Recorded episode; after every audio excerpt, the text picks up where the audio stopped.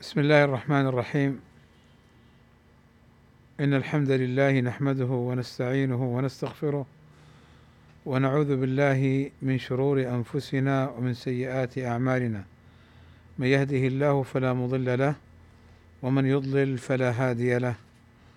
وأشهد أن لا إله إلا الله وحده لا شريك له.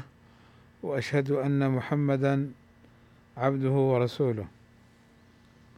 ألا وإن أصدق الكلام كلام الله وخير الهدى هدى محمد وشر الأمور محدثاتها وكل محدثة بدعة وكل بدعة ضلالة وكل ضلالة في النار. أما بعد ف فنواصل بإذن الله تعالى مدارسة كتاب التوحيد والذي توقفنا فيه عند قول المصنف رحمه الله تعالى باب من حقق التوحيد دخل الجنة بغير حساب. توقفنا عند قول المصنف رحمه الله تعالى باب من حقق التوحيد دخل الجنة بغير حساب. وهذا الباب داخل في الباب الذي قبله وهو ما ذكره المصنف رحمه الله تعالى بقوله باب فضل التوحيد وما يكفر من الذنوب. باب فضل التوحيد وما يكفر من الذنوب. فهذا الباب داخل في الباب السابق. لكن المصنف رحمه الله تعالى فصل بينهما أو أفرد هذا بباب لنقطة عظيمة وفائدة مهمة وهي أن الفضل السابق فضل عام للتوحيد يشمل كل موحد. وأما هذا الباب مشروط في فضله وحصول ما يكون فيه من هذا الثواب العظيم بتحقيق التوحيد. ولذلك هذا ليس لكل أحد كما سيأتينا إن شاء الله تعالى. وإنما الذي يدخل الجنة بغير حساب هو من حقق التوحيد. وتحقيق التوحيد معناه تخليصه من الشرك والبدعة والمعصية. فتخليص الشرك بالتوحيد وتخليص البدعة بلزوم السنة وتخليص المعصية بالتوبة والرجوع إلى الله عز وجل. ولذلك لا بد في من حقق التوحيد لا بد له من علم كما قال الله عز وجل فاعلم أنه لا إله إلا الله ولا بد له أيضا من اعتقاد لهذا التوحيد ولا بد له أيضا من انقياد له وعدم الإباء والرفض. باب من حقق التوحيد دخل الجنة بغير حساب. أي لا يحاسب بل يدخل مباشرة الجنة. لماذا؟ لأنه حقق التوحيد. ولذلك قالوا إن قوله من حقق من شرطية وفعل الشرط حقق وجوابه دخل. فمن فعل كذا كان له كذا. هذا هو المعنى. ثم قال المصنف وقول الله تعالى إن إبراهيم كان أمة قانتا لله حنيفا ولم يكن من المشركين. إبراهيم نبي الله عليه الصلاة والسلام إمام الحنفاء فالله عز وجل أثنى عليه في آيات ومواضع كثيرة وبين سبحانه وتعالى كيف أنه دعا قومه وأباه إلى التوحيد وكيف أنه أوذي لدعوته للتوحيد. فقال الله عز وجل إن إبراهيم كان أمة أمة هنا بمعنى إماما يقتدى به قانتا لله حنيفا. الحنيف هو المائل إلى التوحيد ولذلك قال ولم يك من المشركين فذكر الله عز وجل وصف نبيه إبراهيم عليه الصلاة والسلام أنه كان موحدا حنيفا ولم يك من المشركين أي لم يشرك بالله عز وجل. ثم قال والذين هم بربهم لا يشركون. والذين هم بربهم لا يشركون. لما ذكر الله عز وجل أهل خشيته والخوف منه سبحانه وتعالى وأثنى عليهم فذكر من صفاتهم أنهم لا يشركون بالله عز وجل بل اتخذوه ربا والها يعبدونه ولا يصرفون شيئا من أنواع العبادة لغيره فهو الرب الإله المستحق للعبادة والذين هم بربهم لا يشركون. وهذا أيضا يدل على أن من حقق التوحيد فإنه يدخل الجنة وأنه يأمن من العقاب والحساب. ثم قال وعن حسين ابن عبد الرحمن قال كنت عند سعيد بن جبير فقال أيكم رأى الكوكب الذي انقض البارحة؟ أيكم رأى الكوكب الذي انقض البارحة؟ أي سقط؟ يعني الذي رآه بالأمس. قال فقلت أنا. لما سأل سعيد بن جبير من رآه؟ قال حسين ابن عبد الرحمن. أنا أي أنا رأيته. قال ثم قلت أما إني لم أكن في صلاة ولكني لدغت. هنا قوله أما إني لم أكن في صلاة ولكني لدغت. فيه أنه رحمه الله تعالى أي حسين ابن عبد الرحمن نفى عن نفسه أن يكون قائما في تلك الساعة يصلي أو يقرأ القرآن أو يتعبد لأن هذه الساعة التي انقض أو هذا الوقت الذي انقض فيه الكوكب وقت الناس فيه نيام. وغالبا من كان في هذه الساعة مستيقظا يكون مشتغلا غالبا بالعبادة. فنفى عن نفسه أن يكون مشتغلا بالعبادة حتى لا ينسب إلى أمر لم يفعله. وبين السبب أنه لدغ أنه لدغ أي أصابته لدغة من عقرب ونحوها. قال ولكني لدغت قال فما صنعت؟ يعني كيف عالجت هذه اللدغة؟ قال ارتقيت يعني استرقيت أي طلبت الرقية. فطلب من يرقيه ومن يعالجه. قال سعيد فما حملك على ذلك؟ يعني ما السبب أو ما الأمر الذي جعلك تفعل هذا؟ تطلب الرقية للدغة العقرب. قال حديث حدثناه الشعبي. قال وما حدثكم؟ قال قلت حدثنا عن بريدة ابن الحصيب أنه قال لا رقيه إلا من عين أو حمة. لا رقيه إلا من عين أو حمة. قال قد أحسن من انتهى إلى ما سمع.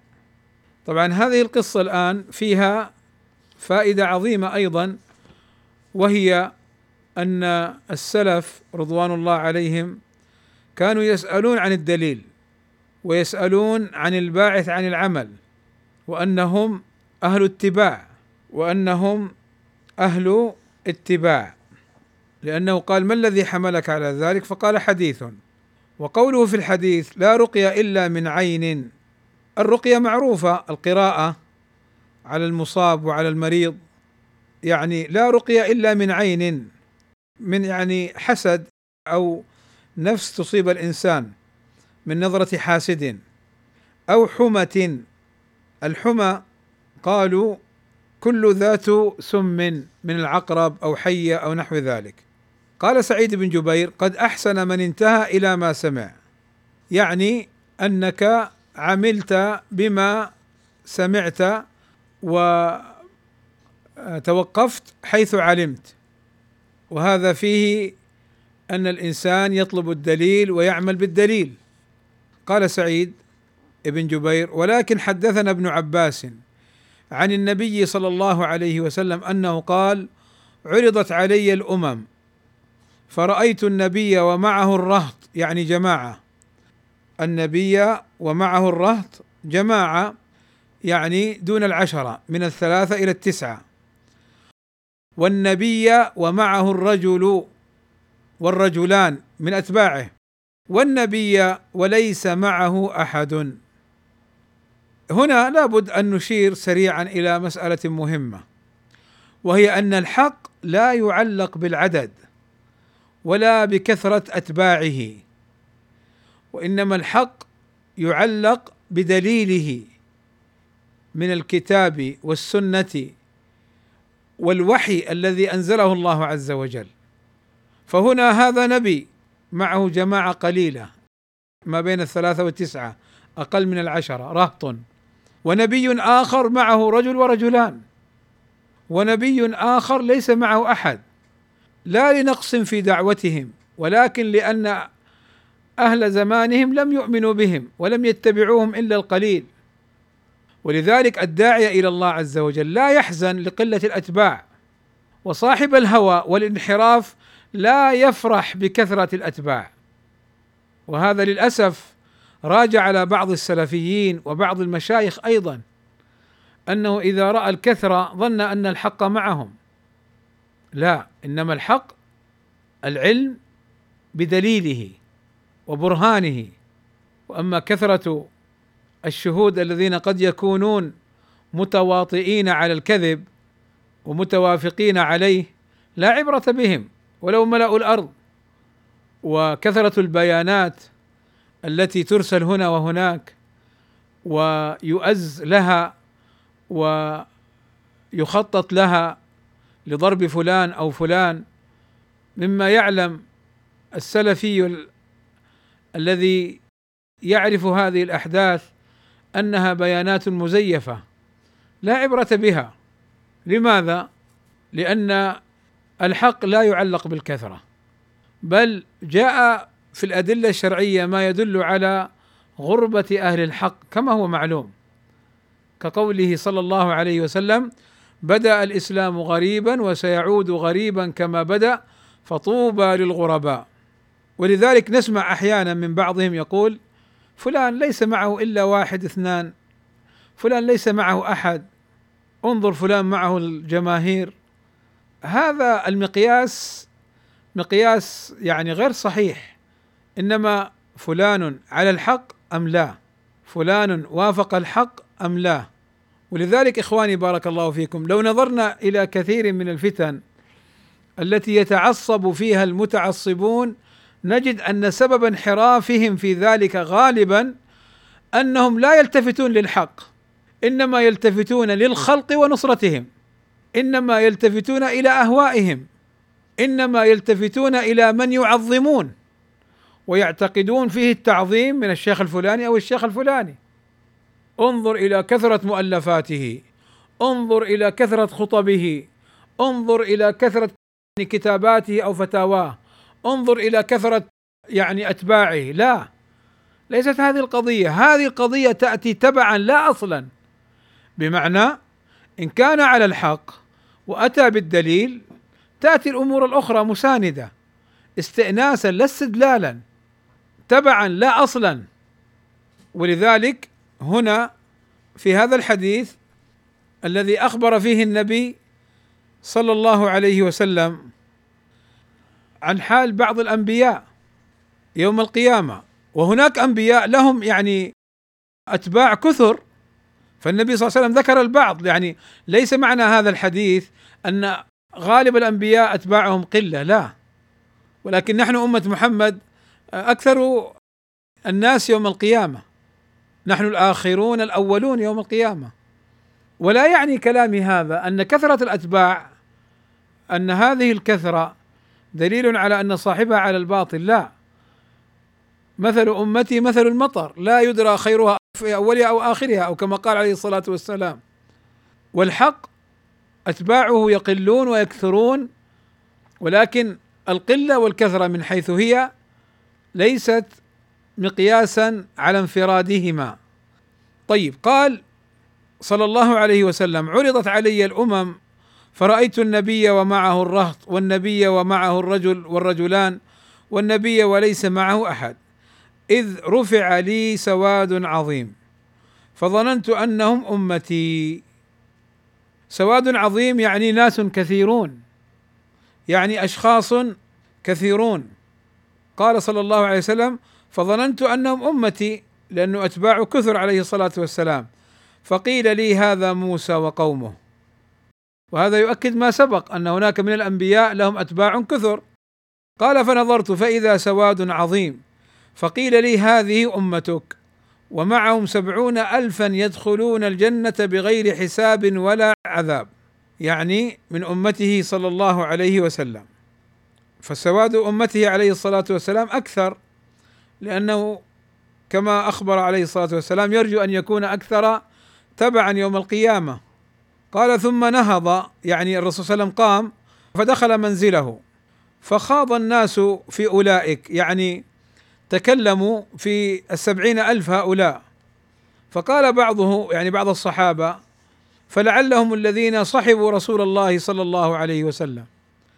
يعني أن هؤلاء السبعين هم من الصحابة بعضهم. وقال بعضهم فلعلهم الذين ولدوا في الإسلام فلم يشركوا بالله شيئا وذكروا أشياء. فخرج عليهم رسول الله صلى الله عليه وسلم فأخبروه. يعني اخبروه أنهم قدروا وخمنوا من هؤلاء السبعون الفا فقال صلى الله عليه وسلم مخبرا لهم هم الذين لا يسترقون أي لا يطلبون الرقية أي لا يطلبون الرقية. جاءت رواية لا يرقون يعني يفعلون الرقية يرقون غيرهم. ولذلك نجد بعض الناس يقول أنا لا أرقي لماذا يقول؟ لأن الرواية تقول لا يرقون فأنا لا أرقي أحدا. وهذا خطأ لأن هذه الرواية تحمل على رواية لا يسترقون أو أنها كما حكم عليها شيخ الإسلام ابن تيمية وغيره بالشذوذ رواية لا يرقون. وأن الرواية الصحيحة لا يسترقون أي لا يطلبون الرقية من غيرهم ولا يكتوون أي لا يتعالجون بالاكتواء ولا يتطيرون ولا يتشاءمون من الطير الذي تذهب يسرة أو من الإنسان الذي يقابلونه وهو فيه عاهة من عرج أو برص أو نحو ذلك فيتشاءم ذلك اليوم ويظن أنه يوم نحس ويوم سوء لهذا لما رأى. فهذه هي الطيرة وهذه من عادات الجاهلية. ثم قال وعلى ربهم يتوكلون. هم الذين لا يسترقون ولا يكتوون ولا يتطيرون. وعلى ربهم يتوكلون أي يتوكلون على الله حق التوكل. فقلوبهم معلقة بالله عز وجل ولا يخافون إلا الله ولا يرجون إلا الله ولا يطلبون إلا الله. فلا يتعلقون بشيء. وهذا هو موطن الشاهد أنهم يتوكلون على الله عز وجل حق التوكل أنهم يتوكلون على الله عز وجل حق التوكل الذي لا خلل فيه ولا نقص. وهذا من توحيدهم وهذا من توحيدهم. قال فقام عكاشة ابن محصن رضي الله عنه فقال ادعو الله أن يجعلني منهم. فقال صلى الله عليه وسلم أنت منهم. ثم قام رجل آخر فقال ادعو الله أن يجعلني منهم. فقال سبقك بها عكاشة. أي أن عكاشة رضي الله عنه من السبعين ألف وهذا علمه النبي صلى الله عليه وسلم من الوحي. فلماذا النبي صلى الله عليه وسلم قال لهذا الرجل الآخر سبقك بها عكاشا؟ قيل في الجواب عن ذلك أنه لو قال له وأنت منهم سيقوم له ثالث ورابع وخامس وسادس يعني الموجودون. فحتى لا يفتح الباب وحتى يعمل العبد ويجتهد أن يكون من السبعين ألف قال سبقك بها عكاشة يعني أخبرته ولا أخبر أحدا بعده. وهذا هو الظاهر والله أعلم. وقيل جوابا عن هذا أن هذا الرجل لم يكن منهم إما لنفاقه أو لأمر آخر والله أعلم. لكن الجواب الأول أظهر. إذا لا يتطيرون لا يسترقون لا يكتوون وعلى ربهم يتوكلون. قال المصنف رحمه الله تعالى فيه مسائل أي في هذا الباب العظيم. الأولى معرفة مراتب الناس في التوحيد لأن المصنف أخبر أن هناك من يدخلون الجنة بغير حساب وبين من هم. وهم الذين لا يسترقون ولا يكتوون ولا يتطيرون وعلى ربهم يتوكلون. فتوحيد الناس على مراتب. ولذلك في أول الباب لما ذكرنا باب من حقق التوحيد دخل الجنة بغير حساب. مع أنه ذكر في الباب الذي قبله باب فضل التوحيد وما يكفر من الذنوب. هذا باب وهذا باب أخص منه. فالناس في توحيدهم منهم من يحققه ومنهم من يكون عنده نقص وهكذا. قال الثانية ما معنى تحقيقه؟ فتحقيق التوحيد تخليصه من الشرك ومن البدع والمعاصي. الثالثة ثناؤه سبحانه على إبراهيم بكونه لم يكن من المشركين. يعني كان موحدا لله عز وجل ولم يتابع قومه على عبادتهم لغير الله عز وجل. قال الرابعه ثناؤه على سادات الأولياء بسلامتهم من الشرك كما في الآية والذين هم بربهم لا يشركون. نعم كما في الآية فالله عز وجل ذكر إن الذين هم من خشية ربهم مشفقون.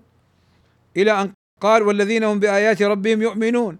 والذين هم بربهم لا يشركون والذين يؤتون ما آتوا وقلوبهم وجلة أنهم إلى ربهم راجعون. أولئك يسارعون في الخيرات وهم لها سابقون هؤلاء الأولياء.